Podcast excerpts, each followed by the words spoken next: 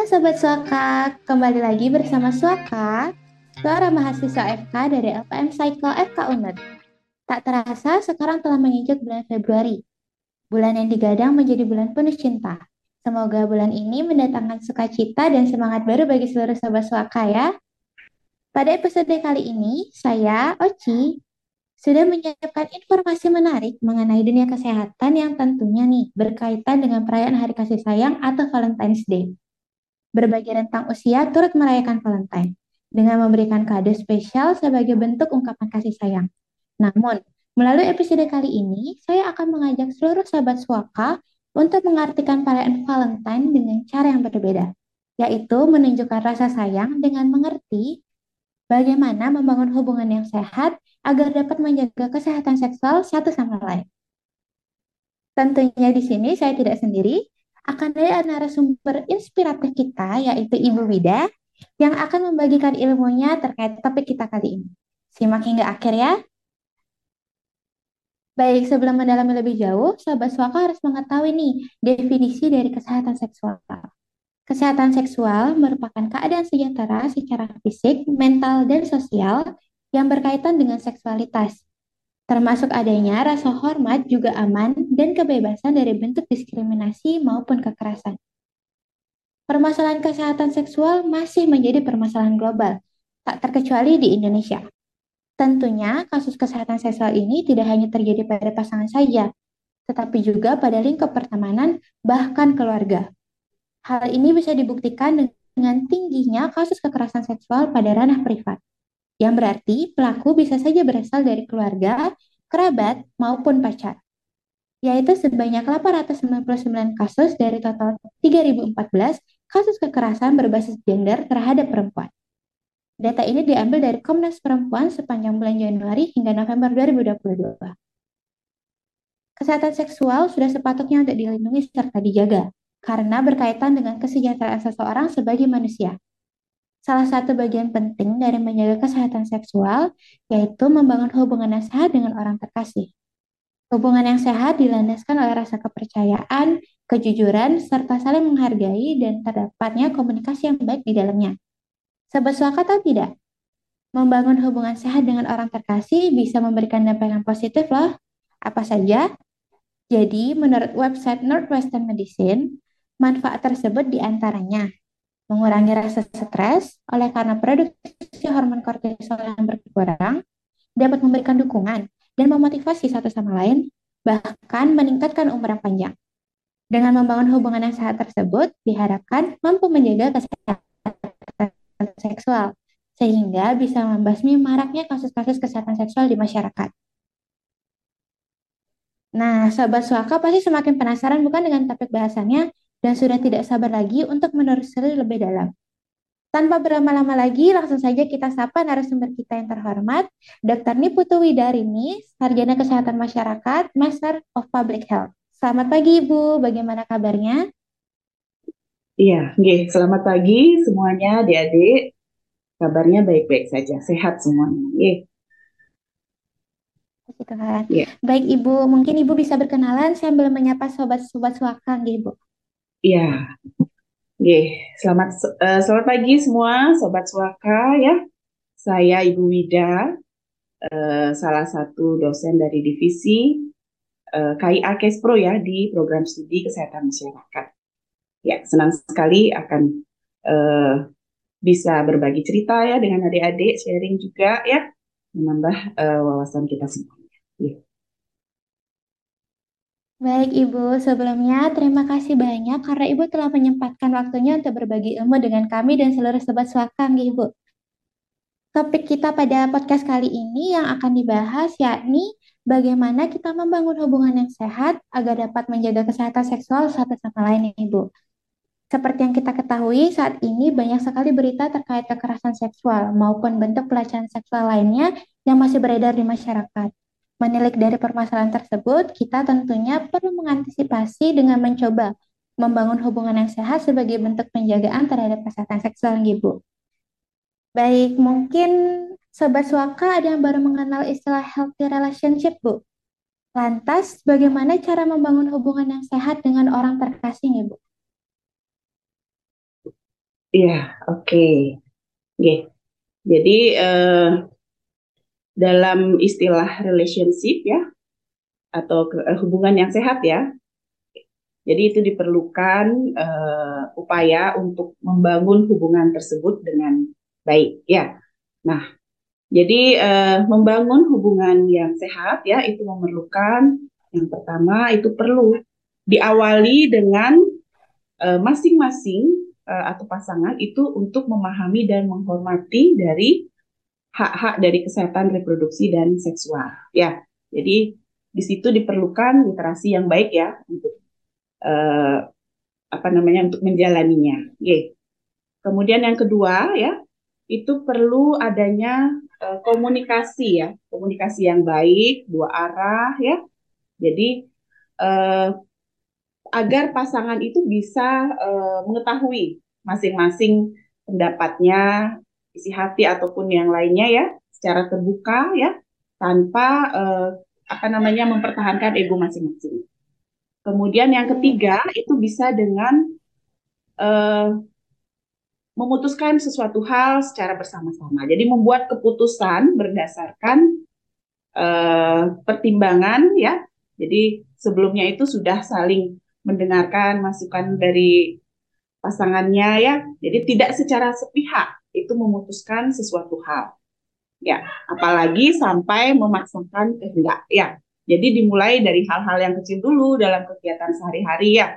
Jadi misalnya eh, dalam be, apa namanya beraktivitas itu ingin eh, membeli sesuatu diputuskan akan membeli apa, kemudian akan jalan ke mana dan sebagainya. Nah, itu. Kemudian yang keempat ya, itu perlu adanya rasa uh, saling percaya ya. Jadi perlu kepercayaan di dalam hubungan tersebut ya. Jadi perlu menghargai juga satu sama lainnya. Dan kepercayaan ini adalah uh, apa namanya? sebagai penanda bahwa hubungan itu berjalan dengan baik, dengan sehat atau tidak ya. Jadi didasari oleh rasa saling percaya. Kemudian apalagi ya? Jadi banyak sebenarnya ya cara-caranya. Yeah. Mungkin yang terakhir ini ada uh, perlu upaya untuk saling bekerja sama. Ya, jadi perlu bekerja sama dalam mengisi ataupun melengkapi ya.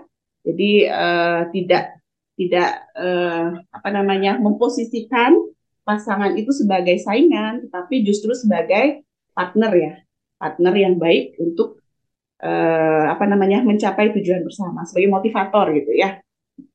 Ya, saya rasa uh, banyak juga ya cara-cara lainnya yang bersifat praktis dan juga simple yang uh, berkaitan dengan kehidupan kita sehari-hari bisa diterapkan. Baik Ibu, ternyata cara membangun hubungan yang sehat dengan orang terkasih itu dengan mengingat bahwa hubungan itu dua arah Ibu ya. ya Baik. Ya, komunikasinya dua arah ya. Oke.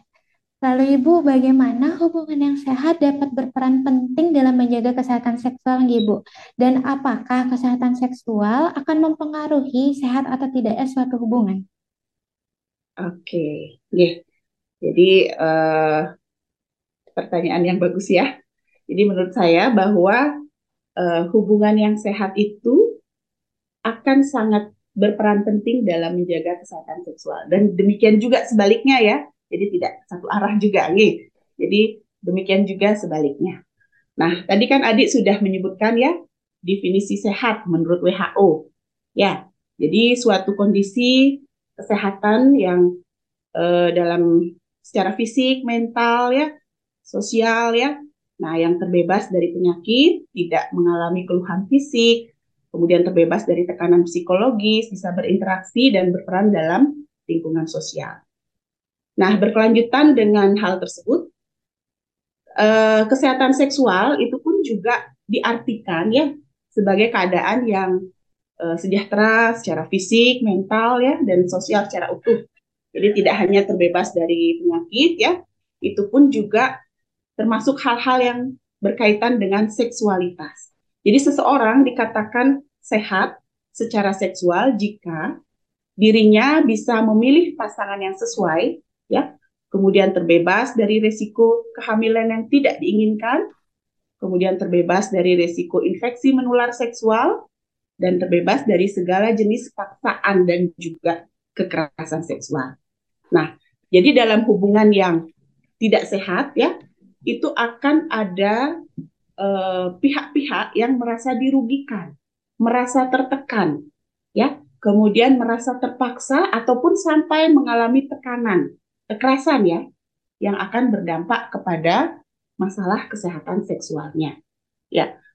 Nah, jadi eh, yang lebih banyak mengalami hal-hal tersebut adalah remaja ya, remaja di mana eh, dalam masa apa namanya eh, rasa ingin tahu, ingin mencoba dan hmm. sebagainya ya, itu akan eh, apa namanya memerlukan perhatian khusus ya, karena di usia remaja ini sangat rentan akan berbagai masalah kesehatan terkait kesehatan seksual dan juga reproduksi. Ya, sebagai seperti risiko dari kehamilan yang tidak diinginkan, risiko infeksi menular seksual ya sampai pada unsafe abortion dan juga kekerasan seksual. Nah, untuk itu ya masalah-masalah kesehatan seksual dan reproduksi ini akan menjadi penyebab utama dari tingginya angka kesakitan dan juga kematian. Ya. Nah, jadi ya, jika tidak ada masalah kesehatan seksual ya, itu akan berpengaruh pada hubungan yang sehat ya, karena tidak ada yang merasa saling merugikan dan justru akan memberikan manfaat yang positif. Ya, saya rasa demikian juga sebaliknya. Gitu. Baik, Ibu. Terima kasih banyak. Ternyata hubungan yang sehat tuh punya peran yang sangat penting ya, Bu ya. Dan bahkan ternyata kesehatan seksual itu juga punya pengaruh yang sangat-sangat penting juga pada suatu hubungan karena dengan kesehatan seksual yang baik dalam hubungan juga akan membuat kedua belah pihak merasa aman dan nyaman.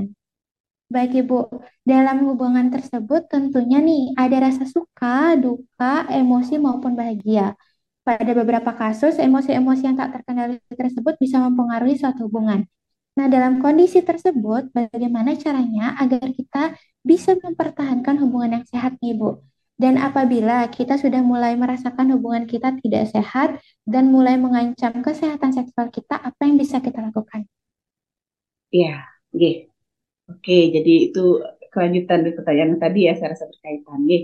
Jadi banyak hal yang bisa kita lakukan ya dalam upaya mempertahankan hubungan yang sehat, ya, yang tentunya akan berdampak positif pada kesehatan seksual. Ya, jadi bukan sebaliknya, yaitu berpotensi sebagai ancaman terhadap kesehatan seksual. Nah, upaya tersebut uh, kurang lebih hampir sama ya dengan cara membangun suatu hubungan ya pada pertanyaan adik yang sebelumnya. Nih, tetapi di sini saya lebih menekankan bahwa eh, pada remaja ya itu dalam upaya mempertahankan hubungan yang sehat ya itu eh, memerlukan keterampilan hidup atau life skill istilahnya. Life skill dalam kesehatan reproduksi dan kesehatan seksual untuk mengenal dirinya sendiri ya. Jadi keterampilan hidup itu terdiri dari kurang lebih uh, sembilan ya. Jadi keterampilan untuk uh, apa mengembangkan kesadaran diri, berpikir kritis, kemudian komunikasi interpersonal, berpikir positif ya, e, mengambil keputusan ya, keterampilan dalam mengambil keputusan, kemudian apa lagi? E, keterampilan bernegosiasi, keterampilan e, mengatasi masalah dan juga e, berempati ya, serta keterampilan dalam mengatasi stres dan emosi. Ya, jadi dengan memiliki keterampilan hidup tersebut atau life skill itu, remaja diharapkan akan mampu untuk yang pertama bisa merencanakan masa depan, yang kedua mengambil keputusan terkait seksualitas dan perilaku seksual, kemudian yang ketiga bisa melindungi diri dari kekerasan, pelecehan seksual dan berempati kepada orang lain. Kemudian yang berikutnya bisa berkomunikasi dan bernegosiasi dengan pasangannya. Ya, Selanjutnya bisa mengelola stres dan yang terakhir itu akan bisa uh, secara aktif ya untuk mencari bantuan jika sudah mulai merasakan adanya hubungan yang tidak sehat yang mengancam kehidupan seksual. Oke. Jadi itu ya saya rasa menurut pendapat. Baik Ibu, ternyata life skill itu juga sangat diperlukan ya Bu ya dalam kesehatan reproduksi dan kesehatan seksual kita dalam sebuah hubungan. Baik Ibu, terima kasih banyak sekali untuk jawaban-jawabannya. Sebagai penutup, adakah yang ingin Ibu sampaikan kepada Sobat Swakang Ibu? Oke, nih. Jadi uh, sebagai penutup ya dari uh, yang sudah tadi saya sampaikan bahwa di dalam membangun dan uh, mempertahankan hubungan yang sehat ya itu dibutuhkan usaha dari kedua belah pihak ya dari kedua uh, dari pasangan tersebut ya jadi keduanya harus terlibat tidak salah satunya saja ya di mana hubungan yang sehat itu ya uh, akan memberikan manfaat yang positif satu sama lainnya. Jadi di sini diperlukan keterampilan hidup ya atau life skill bagi remaja dalam kesehatan reproduksi dan juga kesehatan seksual. Ya, sehingga permasalahan hubungan yang tidak sehat yang berdampak pada kesehatan seksual itu akan dapat dicegah atau minimal dikurangi lah. Ya, jadi hal ini tentunya akan bisa meningkatkan kualitas hidup remaja di masa yang akan datang ya sehingga adik-adik akan bisa uh, hidup dengan baik ya karena hmm. sudah kualitas hidupnya meningkat ya baik ibu itu ya Dek. terima kasih banyak ibu baik ya. sobat suaka demikian pemaparan dari ibu Wida terima kasih banyak ibu untuk pesannya Tentunya Sobat Suaka telah mendapatkan banyak sekali nih informasi baru terkait topik kesehatan seksual. Kesehatan seksual yang dengan hubungan yang sehat itu sangat penting. Dan dalam kesehatan seksual itu diperlukannya life skill terkait kesehatan reproduksi juga. Tentunya kesehatan tentunya life skill yang diperlukan seperti merencanakan masa depan, memutuskan sebuah keputusan, mereka bisa melindungi diri dari kekerasan seksual, berkomunikasi, bernegosiasi, mengelola stres, serta secara aktif mencari bantuan ketika mulai merasa akan adanya ancaman dalam hubungan mereka ataupun kesehatan seksual mereka. Dan menurut pesan Ibu Wida sendiri dalam membangun dan mempertahankan hubungan perlunya dua belah pihak yang nanti akan memberikan dampak positif untuk sama satu sama lain. Nah, dalam hubungan dua belah pihak ini diperlukannya life skill sehingga nantinya akan bisa mencegah atau bahkan menghentikan kemungkinan terburuk yang akan terjadi.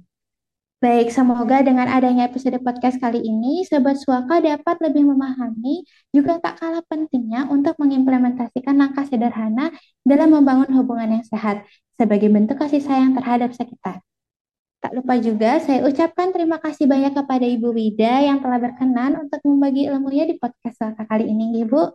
Terima kasih pula kepada Sobat Suaka yang telah menyempatkan waktunya untuk mendengarkan podcast ini hingga akhir. Nantikan episode selanjutnya. Sampai jumpa. LPM Cycle be the first to know.